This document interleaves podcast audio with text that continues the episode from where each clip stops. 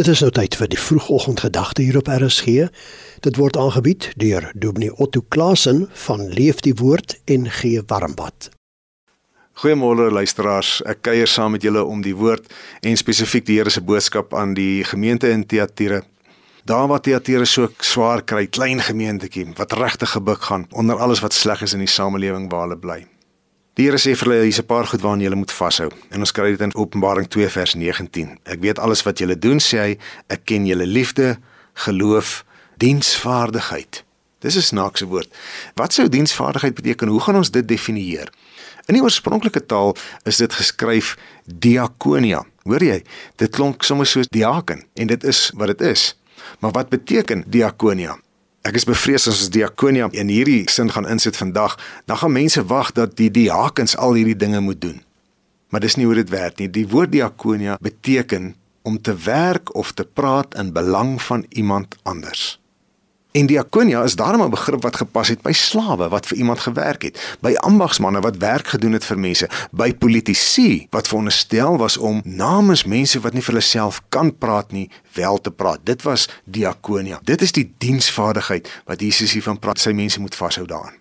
So, ek en jy, die kerk, moet hieraan vashou dat ons kan werk en praat ten bate van ander. Sjoe, dit maak van ons werkmense nê en nie ontvangmense nie. Dit maak van die kerk 'n werkplek en nie 'n ontvangplek nie. Ons sien so baie dat so baie mense in hierdie dae nie diens wil doen nie, maar net gediens wil wees. Gelowiges trap baie maklik in hierdie slaguister. En dan sal hulle sommer sê ek gaan waar ek die beste gediens kan word. En dan bly daar op die uiteinde niks oor van opkom vir iemand anders wat nie self 'n stem het of nie self kan nie. 'n Kerk wat werk is nie 'n kerk wat sit en wag om te ontvang nie.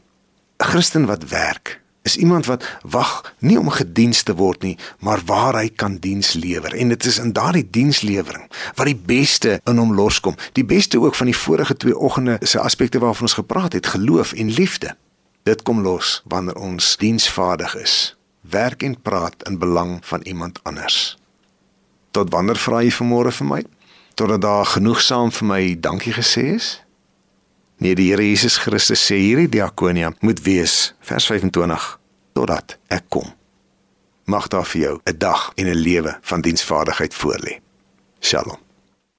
Dit was die vroegoggendgedagte hier op RSG, aangebied deur Dominee Otto Klasen van Leef die Woord en gee warmbad.